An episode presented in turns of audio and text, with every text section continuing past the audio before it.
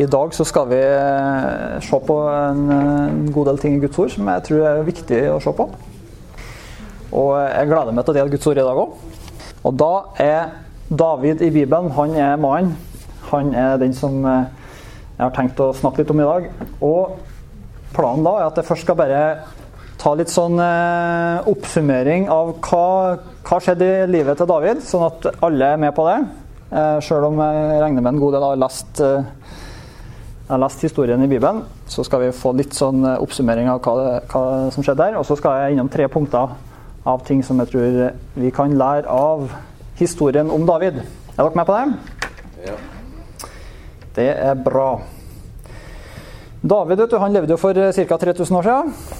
Ca. år 1000 før Kristus så levde David. Jeg husker når jeg var på Når jeg jobba på, eh, på OBS, så Ops, ute, det er sånn machomiljø. Der lå vi menn på, på, disken på kontoret til sjefen. Og der er det nummeret som er oppslått, så sto det om David. Myte. Eh, altså, det var et sånn myte at han hadde levd, det var artikkelen, da. Eh, men eh, det fins faktisk arkeologiske bevis utenom Bibelen på at eh, David har levd. Så den som da sitter her og tror at David er en myte, han skal nå få vite David er ikke en myte. Det er vel god historisk dokumentasjon på, utenom Bibelen. Så det er noe å slå i bordet med hvis du møter en sånn nyateist som er litt påståelig. Ok? Men la oss se på David sitt eh, liv. Davids historie den strekker seg ut fra første Samuels eh, bok, kapittel 16, og helt eh, gjennom andre Samuels bok og helt fram til, til første kongebok, eh, kapittel 1, hvor han dør. Det er litt fascinerende å lese historien om David og og, Vi kjenner ham som en mann som skrev mange salmer, som var en ekte tilbeder. En ekte sånn skikkelig eh, eh, ivrig for Gud. Han elska Gud, og han eh, var der. Eh, og litt i lys av hva han eh, levde i.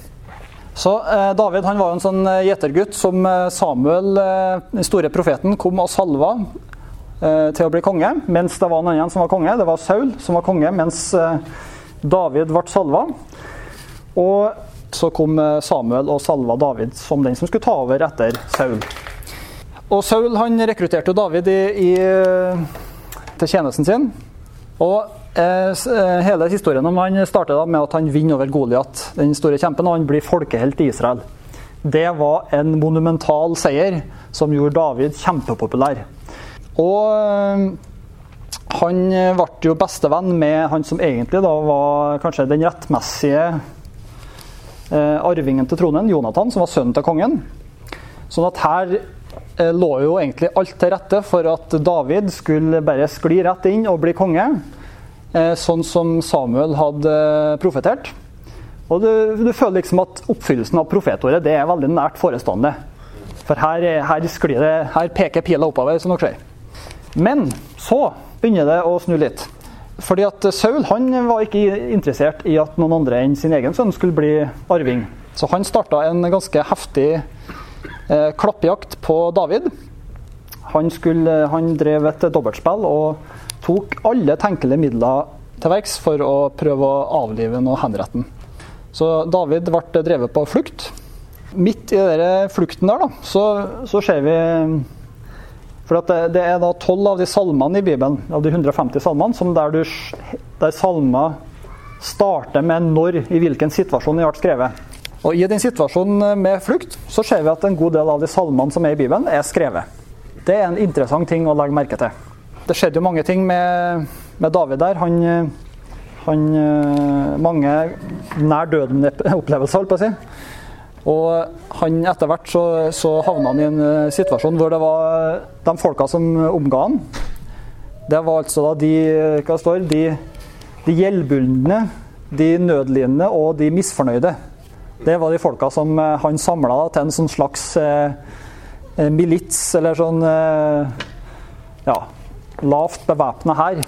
Det var da bestående av folk som var gjeldbunden, nødlidende og misfornøyd i tillegg til å være full av gjeld og elendighet.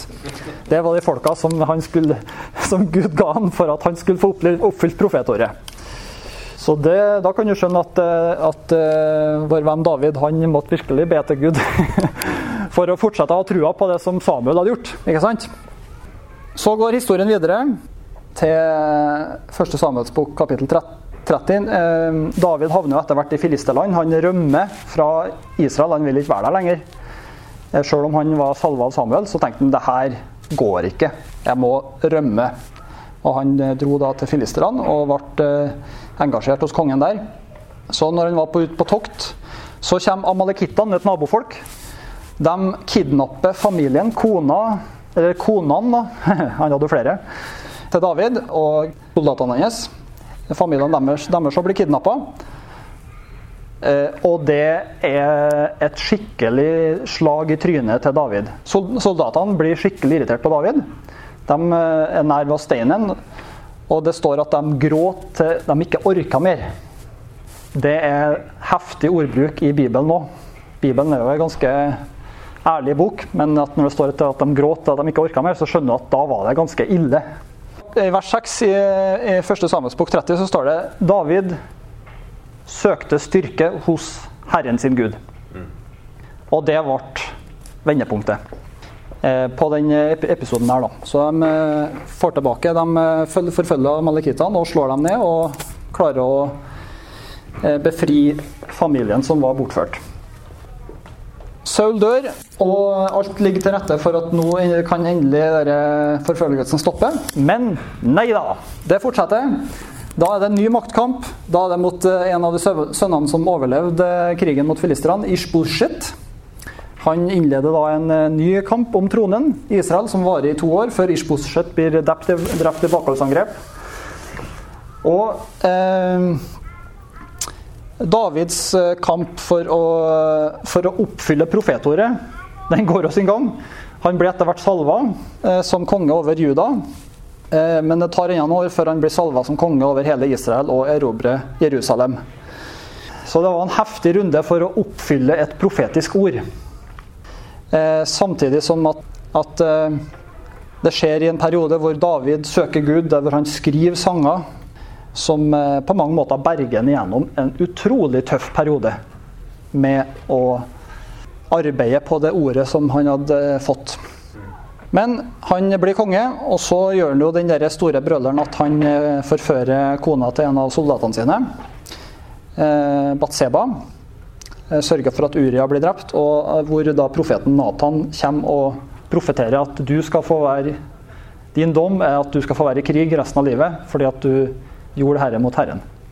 Så det var sikkert eh, eh, Når du har på en måte følt at du har fått dosen din med motgang og utfordringer og problemer her i livet, så kommer profeten og sier Herrens ord, du får ha krig resten av livet.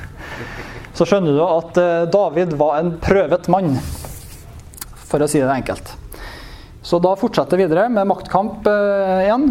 Absalon forfører israelittene. David eh, flykter. Absalon eh, forfører israelittene, får dem til å venne seg til han. Eh, han eh, baksnakker og lyver om eh, faren sin, om hvor, hvor, lite opptatt han er av folket sitt. Sånn at folket venner seg til Absalon i stedet. Og David rømmer. Etter hvert så blir Absalon drept i krig. Og det er stadig nye runder. En som gjør opprør, opprør som heter Sheba, hungersnød, pest, og en sønn som prøver å lure til seg tronen fra den sønnen som David egentlig hadde utnevnt. Det var lang bibelhistorie. Jeg håper dere hang med i svingene. Poenget mitt er at det å være kalt av Gud og bli salva og få et stort profetisk ord kan være en eh, utrolig reise fram mot målet. Og at eh, det å bedømme underveis kan det her ha vært Herren? Når du ser hva, hvor mye eh, motgang og hvor mye vanskeligheter og hvor mye pes det er underveis, den er formidabel, altså. Men Herren eh, gjennomfører eh, det som han har lovt. Og ikke nok med det, men midt i den fasen så er det jo en mann som venner seg til Gud, som lever i tilbedelse, og som lever vendt mot Herren i alle ting som eh, vi trenger å ta lærdom av. Det er kamp rundt eh, tilbedelse, folkens. Det er kamp rundt det der å, å leve framfor Herrens ansikt. Og det må vi bare sko oss for. Amen. Så jeg, eh, Den tida vi har igjen, så tenkte jeg innom tre forskjellige ting. Det var mange ting det går an å snakke om ut fra David, men det er tre ting jeg opplever Gud har vi skal snakke litt om. Første punktet, det er gå til Gud. Gå til Gud enten livet er fantastisk eller vanskelig. David han gikk jo til Gud i hvert fall når livet var vanskelig. Når det var fantastisk, når det var fred, så gikk han jo til Batseba. det var ikke så lurt. Men eh, det å gå til Gud, eh, enten livet byr på medgang eller motgang, er det beste vi kan gjøre for å holde oss på sporet. Eh, og vet, Det finnes jo mye undervisning om bønn, og bønn er ofte en sånn ting som kan bli litt sånn mer komplisert enn nødvendig. egentlig. Fordi at bønn i bunn og grunn er ganske enkelt, hvis vi i hvert fall gjør en sånn kjapp analyse av hvordan er det David skriver salmer, og hvordan er det David ber, så er det to ting som utkrystalliserer seg. Det er bønn er lik din ærlighet pluss Guds herlighet. Amen. Din ærlighet pluss Guds herlighet. Eh, for du vet eh, Hvis vi starter med første først, da, din ærlighet. Eh, det er lett å tenke at Gud han vet jo hvordan vi har det. Sant? Vi trenger ikke å si det til Gud hvordan vi har det. Jeg tror, det, jeg tror det, er viktig for oss at, at, vi, at vi lar Gud få høre hvordan det egentlig vi har det. Ikke fordi at Gud skal få, få noen ny kunnskap om hvordan vi har det. Han vet det jo. Men det er ei side ved det å kunne innrømme for oss sjøl. Hvordan har vi det egentlig? Hvordan eh, Altså, er livet vanskelig, så er det vanskelig. Da er det ikke noe farlig i å si det eh, framfor Gud. Men det er en, det er en hjelp da, i å utløse Guds nåde. Eh, du ser, I Bibelen så ser du en veldig sånn tett sammenheng mellom, mellom det å bekjenne, det å si ting sånn som det, og det å se at Gud bringer sin velsignelse og nåde. Ordspråkene 28-13 så står det Jeg husker ikke akkurat hvordan det står i forskjellige oversettelser, men det står i hvert fall sånn den som skjuler sin synd, har ingen lykke, men den som bekjenner seg fra dem og vender seg fra dem, finner miskunnhet. Et eller annet i den gata tror jeg står. Det er litt forskjellige oversettelser. Den som, eh, den som, fornekter, eller den som på en måte eh, trekker opp en fasade av at eh, jeg har ingen problemer, eller ingen utfordringer, den, eh, den kommer på en måte ikke noe videre. Men i det å innrømme at sånn er livet mitt akkurat nå, enten det går veldig bra eller det går skikkelig åt skogen, så er det, så er det en hjelp å forløse Guds nåde. Vi har en øverste prest som, eh, som heter Jesus Kristus. Og han kan vi stige fram for med, eh, med nådens trone. For å få hjelp i rette tid. Så, så der tror jeg en, eh, en viktig side for oss. Samme i 1. Johannes brev, kapittel 1 av vers 6. Nei, det var, det, det var nummer 9 jeg skal ha, ja. Sånn går det når du skriver notater. Det var én ni jeg skal ha. Men dersom vi, eller 8 da, eh, sier vi at vi ikke har ha synd, da bedrar vi oss selv. Og sannheten er ikke i oss. Men dersom vi bekjenner våre synder, er Han trofast og rettferdig, så Han tilgir oss syndene og renser oss for all urett. Så det, det, er bare å lese salmene til David, så ser du at han maler med ganske bred pensel på hvordan, hvordan han føler det overfor fiendene sine. Og det, det, har jeg lært i løpet av livet, at eh, det å være frustrert, det hører med i livet. Og det aller beste det er å gå til Herren med frustrasjonen sin. Jeg vet ikke hvilken erfaring dere andre har med det, men jeg, jeg føler det funker mye bedre å gå til Herren enn å gå til Tone eller til noen andre de, de må få slippe, holdt på å si. De har godt av å få slippe eh, det verste, verste frustrasjonsutbruddene. Men Herren, han tåler det. Han vet det allerede. Så det, det, der fikk du et godt råd helt gratis. Gå til Herren. Men det er ikke bare å være ærlig som er en del av bønnelivet, som David lærer oss, men det er å fokusere på hva er det Gud har gjort. Hvem er Gud? Der er det mye fantastisk å hente. Åh, jeg er så glad for at vi kan gjøre det her, altså. Det å, det å se på Jesus, se på hva han har gjort, hva han har lovt, hvilke løfter han har. Der kan vi legge av all sånn derre trøndersk husmannsånd. Yes. Terje har jo lært meg det. Jeg kjenner meg veldig igjen. Jeg er jo en husmann sjøl, nesten. Men eh, det å, det å virkelig kunne eh, utfolde seg og være litt sånn Det er Åh, det gjør så godt. Kom on, da. Kom on. Utfold det. Dette, ja, her er jeg ganske sindig, da. Jeg er stort sett ganske sindig. Jeg litt, eh, går litt eh, av svingene når det er Rosenborg-kamp på TV-en, eller det er Sokndalinga på sånne talentprogrammer på TV-en. Da sprenger jeg rundt i stua. Ellers så sitter jeg i ro foran TV-en. Men når en er- foran eh, Guds åsyn, da er det lov å være litt, litt sånn gal, altså. Jeg er i hvert fall det. At du må, du må trykke på litt. Det er ikke mye 'kumbaya, my lord' da, så det Og det tror jeg det er godt for oss å, å, å gjøre det. Jeg anbefaler det til alle. Vær litt sånn Trykk litt på. Og når du kjører bil òg. Det var en gang jeg kjørte bil til jobb eh, for en del år siden. Og da eh, var det en kollega som sto på vikeplikt. Og så jeg kom kjørende forbi. og han eh, så at det var et eller annet greier i bilen som ikke han skjønte noen ting av. Og ja, da ble jeg litt flau. Men ja. Jeg drev og tilba Herren, vet du. Eh, Det gjør jeg. Så eh, det er hos Gud vi finner styrke. Vi finner hvile, vi finner utholdenhet og nytt mot. Og ny guts til å ikke gi opp. Fordi at eh, det er Ofte så er det sånn at det, det Gud vil, er så stort at det er, det er fort gjort å tenke Det her er det så Det er så komfortabelt å tenke enn om vi bare kunne gitt opp. Men det er ikke et alternativ. Nei. Så da går vi til Herren og får ut litt eh, gruff, litt frustrasjon. Og så sier vi 'takk, Jesus, for det du har gjort'. Og så, og så eh, blir det litt sånn som til han eh, Abraham. Jeg bruker stort sett å sitere 1988-oversettelsen, for jeg føler den får fram det poenget jeg vil ha fram. Men han ble sterk i sin tro i det han ga Gud ære, står det i den oversettelsen. Andre sier 'og', da. Og det er jo ikke noe Det er rett, det òg. Men det blir sterk i sin tro i det den gir Gud ære. Eh, og så skal jeg Jeg tenkte å bare klargjøre en annen ting òg, som eh, i hvert fall jeg opplever har vært en velsignelse for meg. Og det er å kunne se forskjellen på gode nyheter og dårlige nyheter. Fake news. Ja, om det er fake, er det så i hvert fall dårlige nyheter.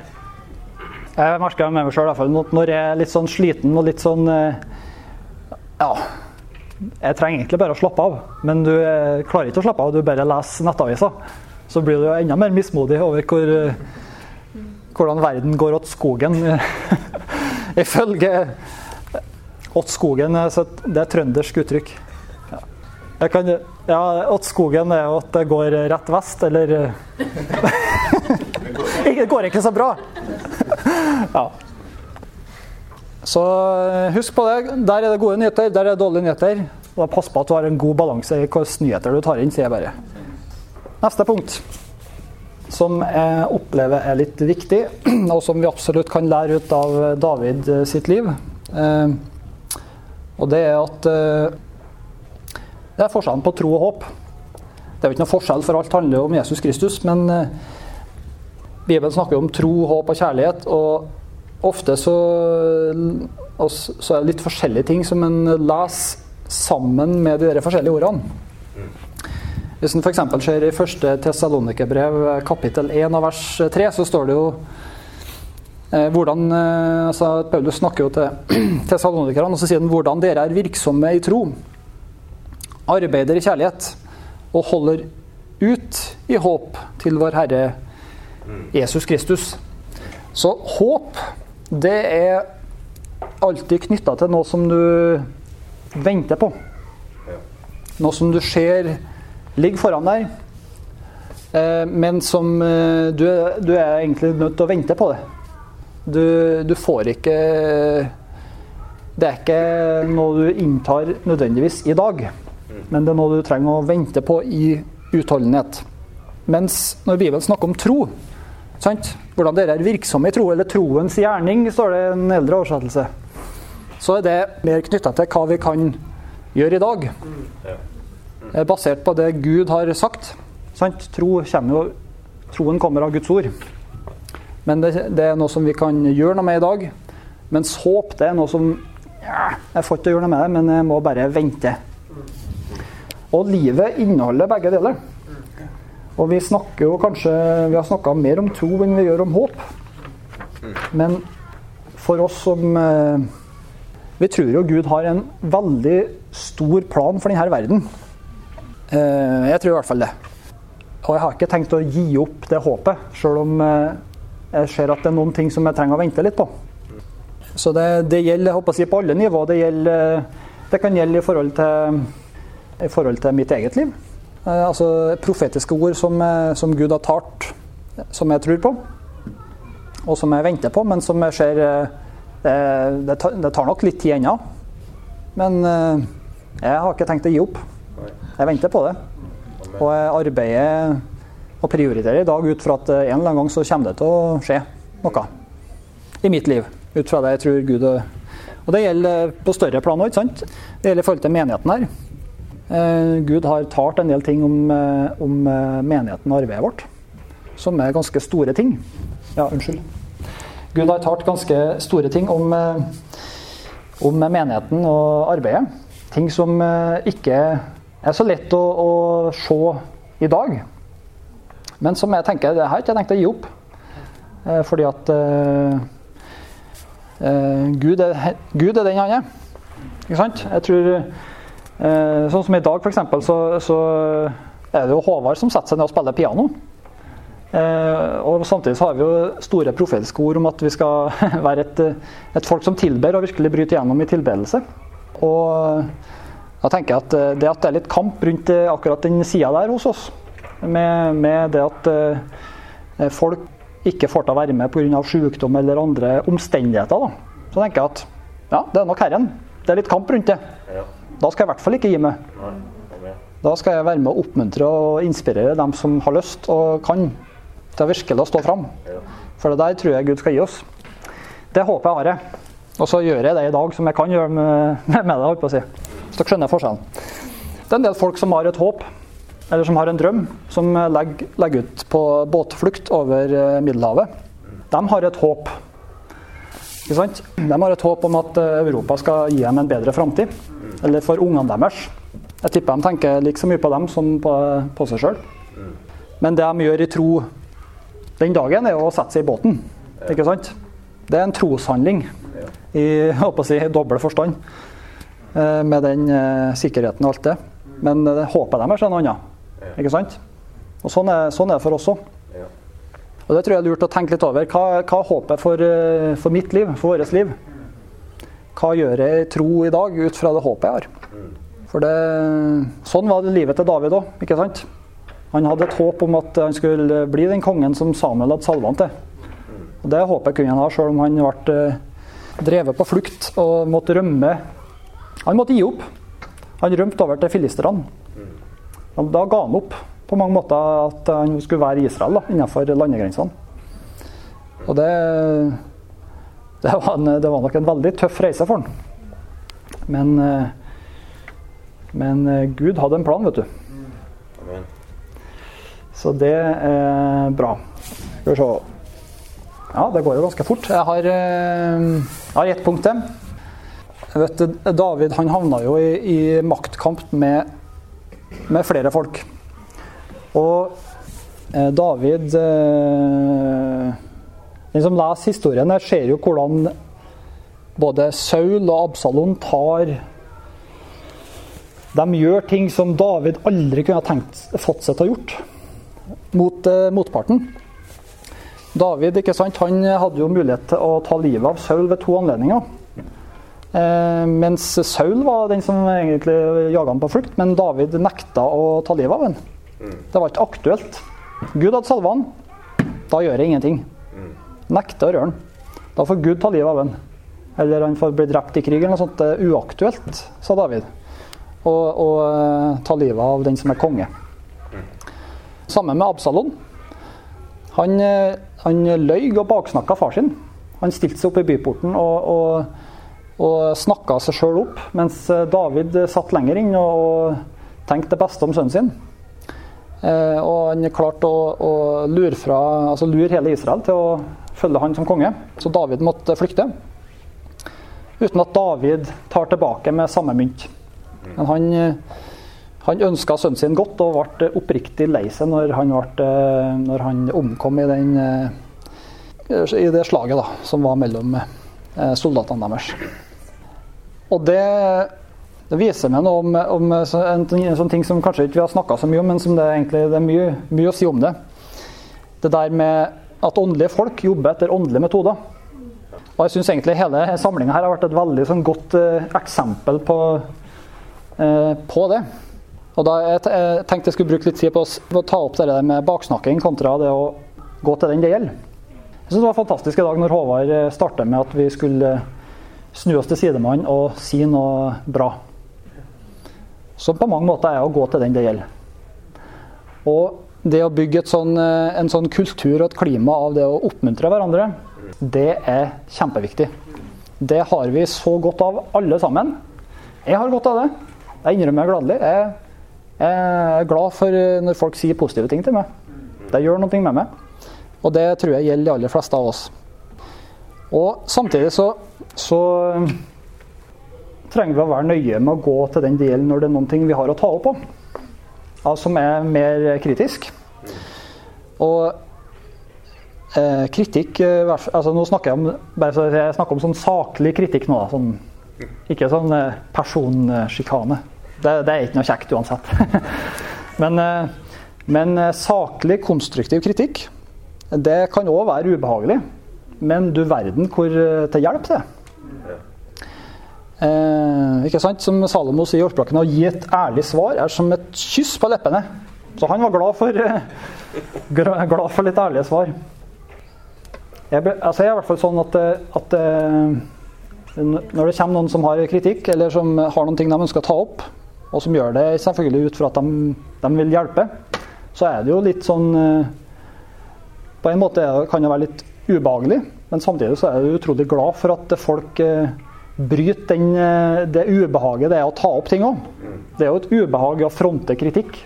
Eller å si noe vet du, det her det funka ikke så bra, Arne Olav. Det var, du kunne Hva om du hadde gjort det på den måten? Sant?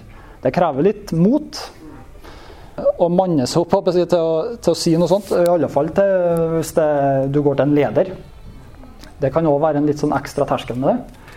Men eh, jeg vil bare si at jeg er utrolig glad for eh, jeg er glad for folk som, som ønsker, ønsker, å gjøre ting bedre, og som, og som uh, tar tak i det. Og jeg tror uh, alle som, alle som, er litt synlige, som er litt eksponert, er, er jo ekstra utsatt òg, på godt og vondt. Si. Og der tror jeg på en måte det å, det å være eh, f.eks. den som ja, på en søndagsmøte, hvis vi tar det som en setting, der, den som leder møtet, den som leder lovsang, eller den som preiker stiller seg jo litt fram.